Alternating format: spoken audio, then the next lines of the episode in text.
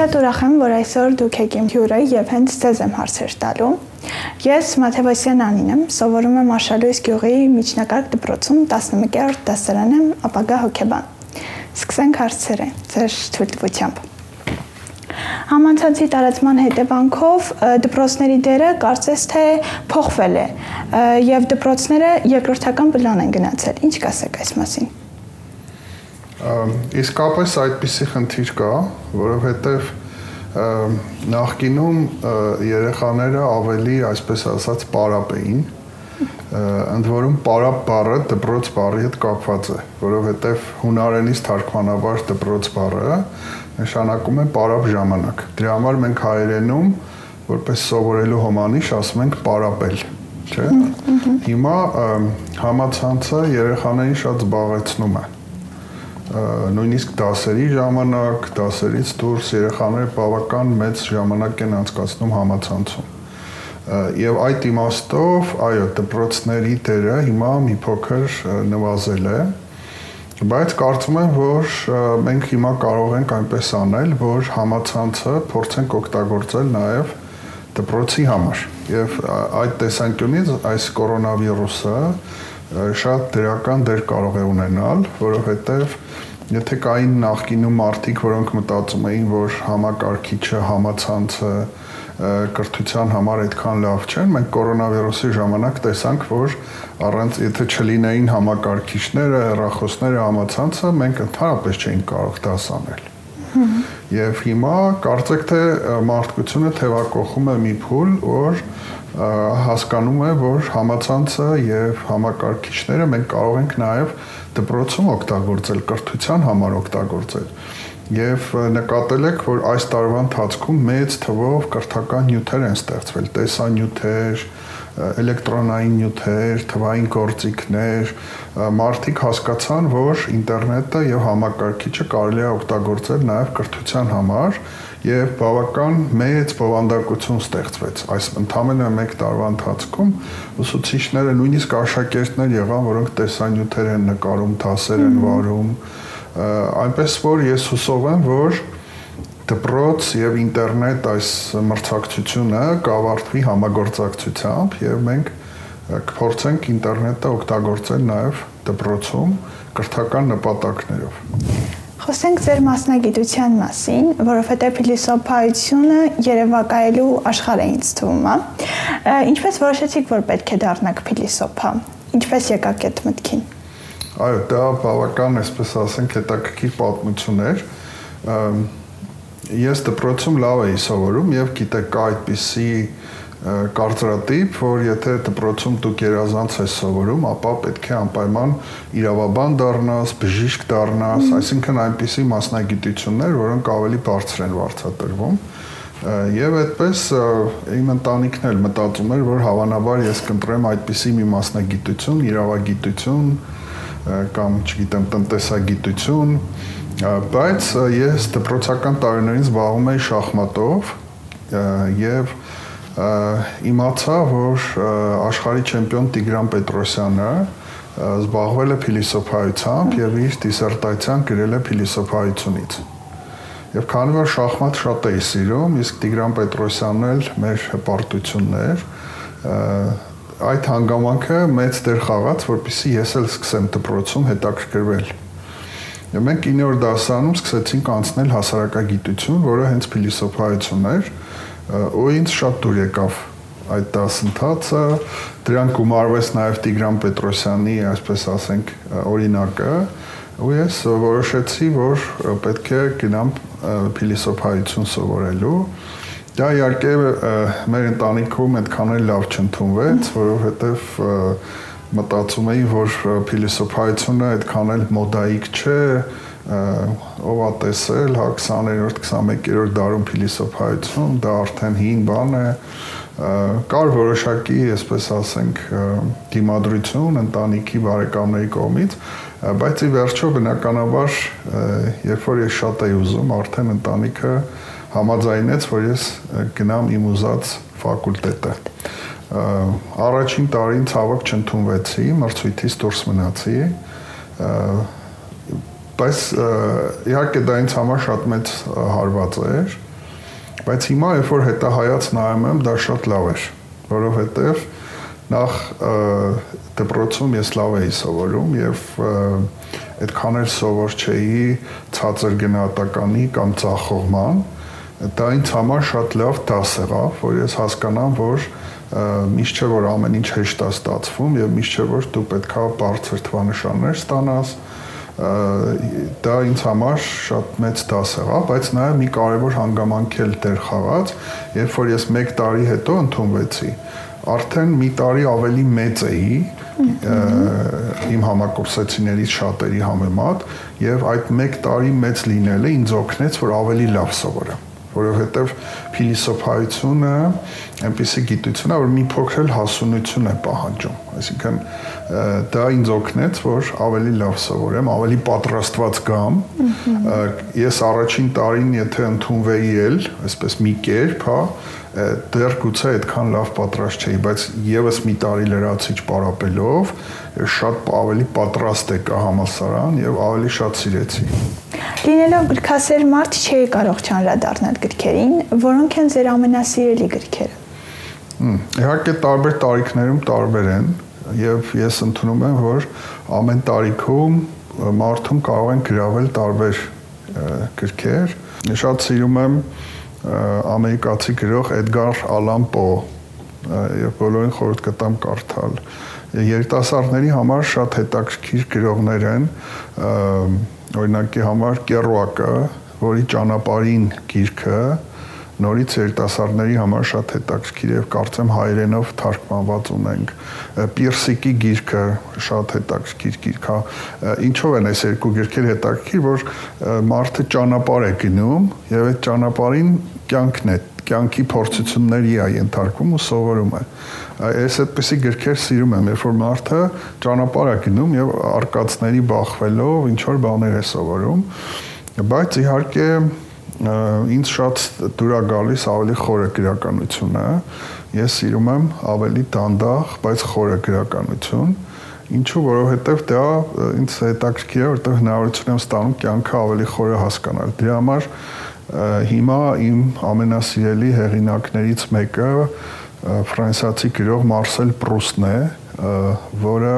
աշխարհի ամենամեծ վեպերից մեկի 7 հատորանոց վեպի հեղինակն է եւ ինչու եմ այդ գիրքը շատ սիրում, որովհետեւ այդ գիրքը կյանքը ներկայացնում է որպես ապրումների, մտքերի ընթացք։ Հեղինակը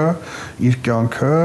ցույց է տալիս ոչ թե որպես իրադարձություններ, այս եղավ, այս եղավ, հետո այս արեցինք, այն արեցինք, այլ որպես մտքերի ընթացք, ու այդ շատ սիրուն է այդ, ոնց է կյանքը որպես մտքեր, մտքերի հաջորդականություն, հիշողություններ, շատ շատ սիրում եմ Մարսել։ Իհարկե ես շատ կարող եմ գրքերից խոսել, մի ամբողջ հաղորդում, բայց իհարկե շատ սիրում եմ ռուս գրականություն, Պլատոնով, իմ սիրած հեղինակներից, իհարկե Դոստոևսկի, Տոլստոյը անպայման, բայց նաև մի անուն էլ ասեմ ռուս գրողներից, որը շատ քիչ հայտնի է, բայց չեմ կարծում, որ Տոլստոյից եւ Դոստոևսկուց ավելի պակաս գրող է Նիկոլայ Լեսկով։ Նիկոլայ Լեսկովը ֆանտաստիկ գրող է, բայց ցավոք սրտի քիչ հայտնի եւ բարեբախտաբար հիմա գրախանութներում կան իր գրքերը ռուսերենով, քիչ են թարգմանել, բայց շատ սիրում եմ նաև Լեսկովին, ինչու որովհետև Լեսկովը լավ պատմող է։ Գրողի ամենակարևոր արժանինքներից մեկը լավ պատմելու այդ հատկանիշն է։ Լեսկովը շատ շատ լավ է պատմում ու լավ է պատմում ժողովրդի կյանքը, առօրյան, շատ սիրուն գեղարվեստական, գեղագիտական գրքեր ա գրում եւ հասկանում ես ռուս մարդուն, Ռուսաստանի մարդուն։ Պատկերացնենք, թե դուք նկարիչ եք եւ ձեզ տրված է առաջադրանք նկարել մի նկար, որը կբնութագրի աշակերտին 21-րդ դարի աշակերտին։ Ինչ կնկարեք։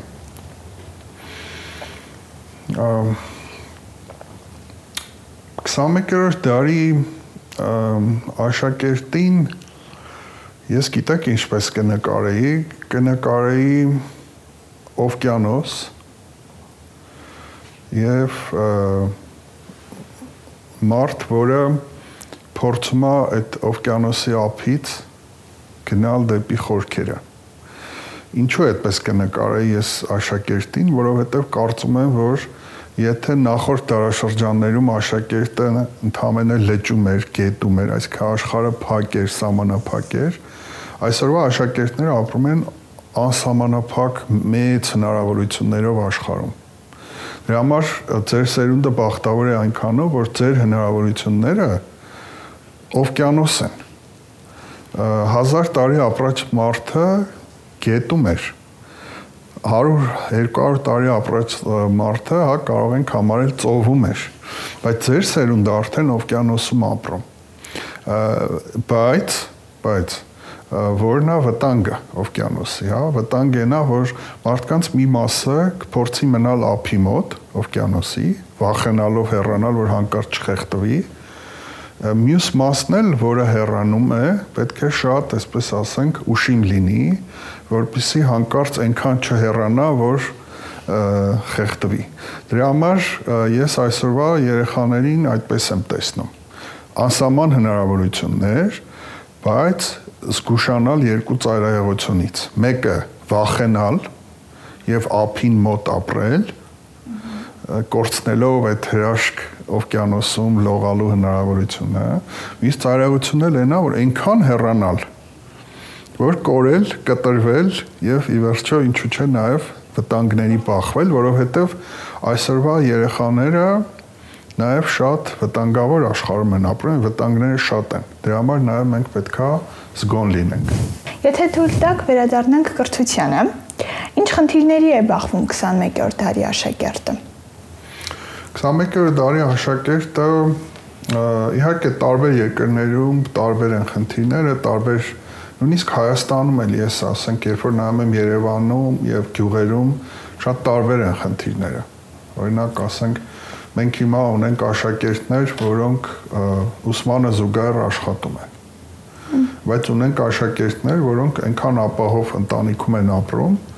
որ սա էլ միշտ ծայրահեղությունն է։ Դրա համար ես խոսեմ այն խնդիրների մասին, որոնք ծայրահեղական են եւ դրանցից պետք է խուսափենք։ Առաջին խնդիրը երբեք չպետքա մանկության տարիներին հա սովորելը, այսպես ասենք, սովորելու հնարավորությունները կորցնել։ Երկրորդ վտանգը, որ տեսնում դա այն է, երբ որ աշակերտների մի խումբ մտածում է, որ իրան պետքա 2-3 առարկա։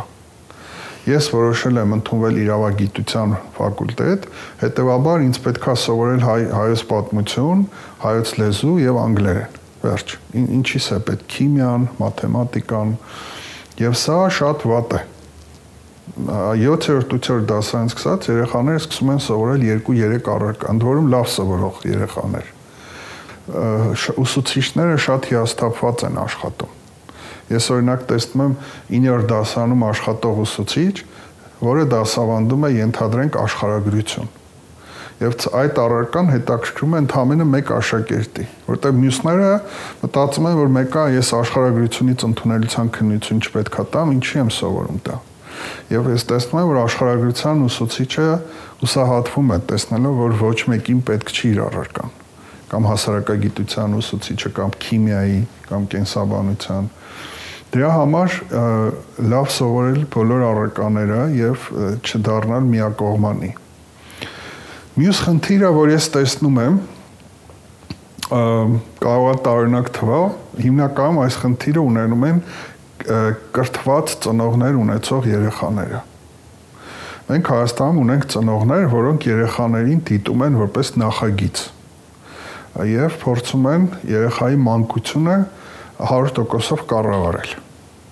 այսինքն ինչ պետք է անի երեխան առավոտյան գնա դպրոց 3-ին վերադառնա 3-ից 5-ը պետք է գնա անգլերենի խմբակի 5-ից 7-ը գիմնաստիկայի 7-ից հետո պետք է դասերը անի եւ քնի Շաբաթ օրը պետք է գնա լողավազան, լողավազանից հետո պետք է գնա, չգիտեմ, մեկ այլ խմբակ, հետո մեկ այլ խմբակ։ Այսինքն երեխային զրկում են ազատ խաղի եւ ազատ ժամանակի հնարավորությունից։ Եվ ցավոք սա անընդունելի է։ Իհարկե, գուցե այս երեխաները հեշտությամբ ընդունվեն համասարաններ, լավ սովորող լինեն, Բայց մանկության ամենակարևոր հատկանիշներից մեկը դա ազատ ժամանակ ունենալն է, որ երեխան օրական 1-2 ժամ ամեն օր, առնվազն 1-2 ժամ ինքը է տնորինի։ Ինքը պետքա որոշի ինչ անի այդ ժամին։ Եվ այդ ժամին ինքը պետքա իհարկե անի լավ բան։ Օրինակ, չգիտեմ, դրսում ֆուտբոլ խաղա, դրսում վազվզի, ինչ որ հետաքրքիր բաներ անի, արկածային եւ այլն եւ այլն։ Ինչպիսի աշակերտ եք եղել դուք։ Ինչպիսի խնդիրների եք բախվել։ Ես իհարկե շատ սովորող աշակերտ եմ եղել, հատկապես մայրս շատ խիստ էր եւ ինքը ուզում էր որ ես լավ սովորեմ, որովհետեւ ինքը այդպես շուտ էր համատաբար ամուսնացել եւ չէր հասցրել բարձրագույն կրթությունը ստանալ եւ շատ ուզում էր որ ես լավ սովորեմ եւ ամեն ինչ արեցին որպեսզի ես սովորեմ Գյումրիի ամենահայտնի դպրոցներից մեկում անգլիական թիվ 20 դպրոցում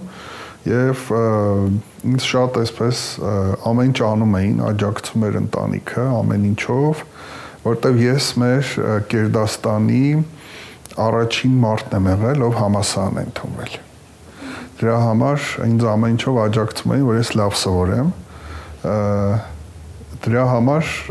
ես էլ ուզում էի, որ իմ ծնողները, իմ տատիկ, պապիկները իրենց լավ զգան։ Դրա համար լավ էի սովորում բայց իհարկե ասել, որ խնդիրներ չկային, չէ, խնդիրներ իհարկե շատ կային։ Ամենամեծ խնդիրը դա փողոցը եւ ուսումը համատեղելն էր։ Ես փոքր ժամանակ շատ-շատ սիրել եմ փողոցում խաղալ, բակում խաղալ։ Դա մեր ամենասիրելի զբաղմունքն էր։ Ես իսկապես երբ որ սովորում էի, շատ բաներ զորով էի սովորում, ուղղակի որպիսի ծնողների սպասելիքները արդարացնեմ,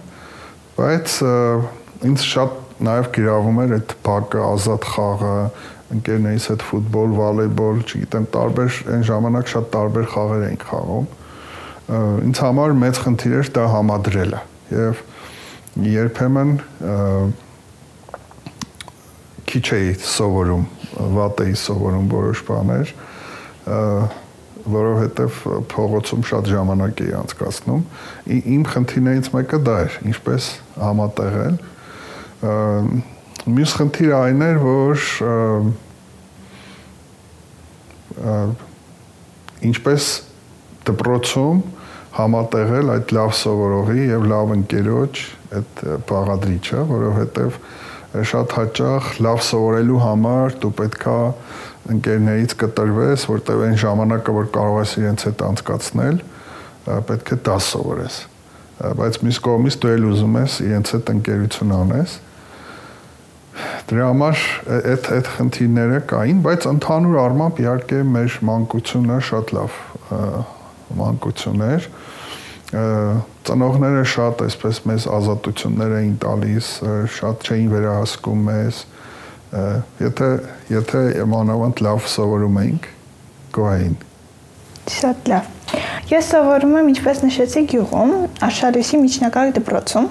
Ըստ ձեզ, կան արդյոք տարբերություններ գյուղերում եւ քաղաքներում ապրող աշակերտների կրթության մեջ։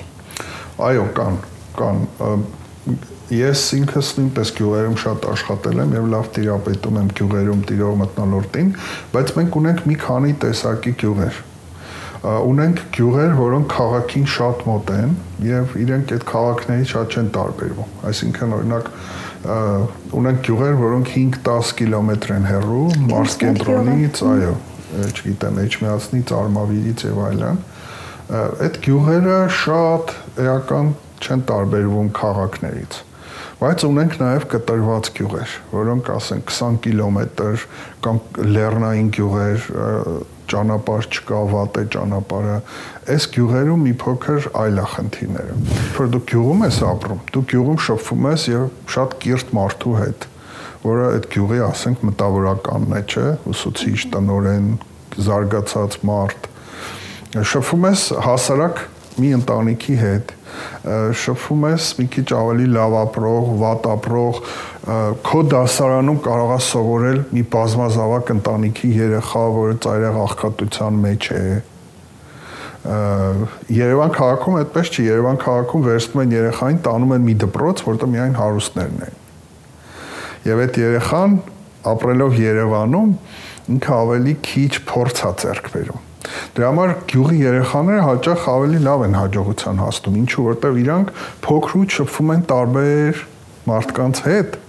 եւ իրանք ավելի ճկուն են դառնում։ Իրանց մտածողությունը ավելի ճկուն է, իրանք ավելի մարդասեր են, իրանք տեսել են աղքատ մարդու կյանքը, ցախողակ մարդու կյանքը եւ ավելի հասկացող են։ Երևանում ենթադրենք ես ասենք,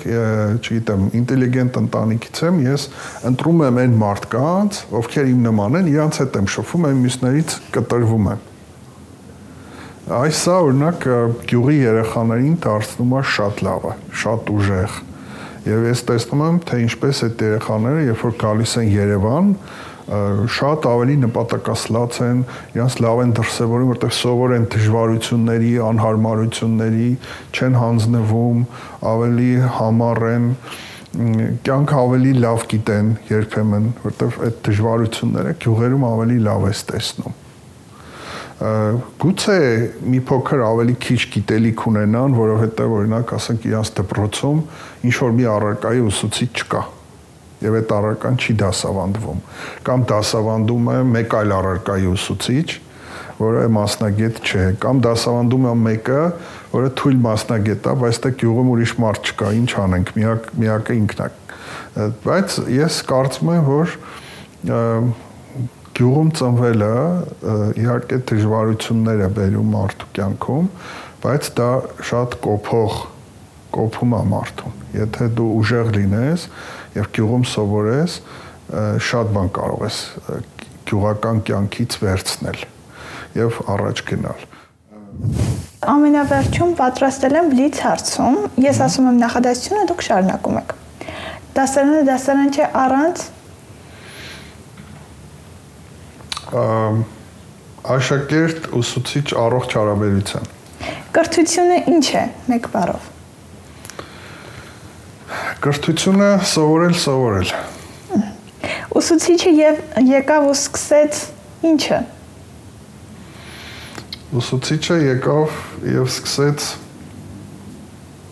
չեմ ուզում ասել տասը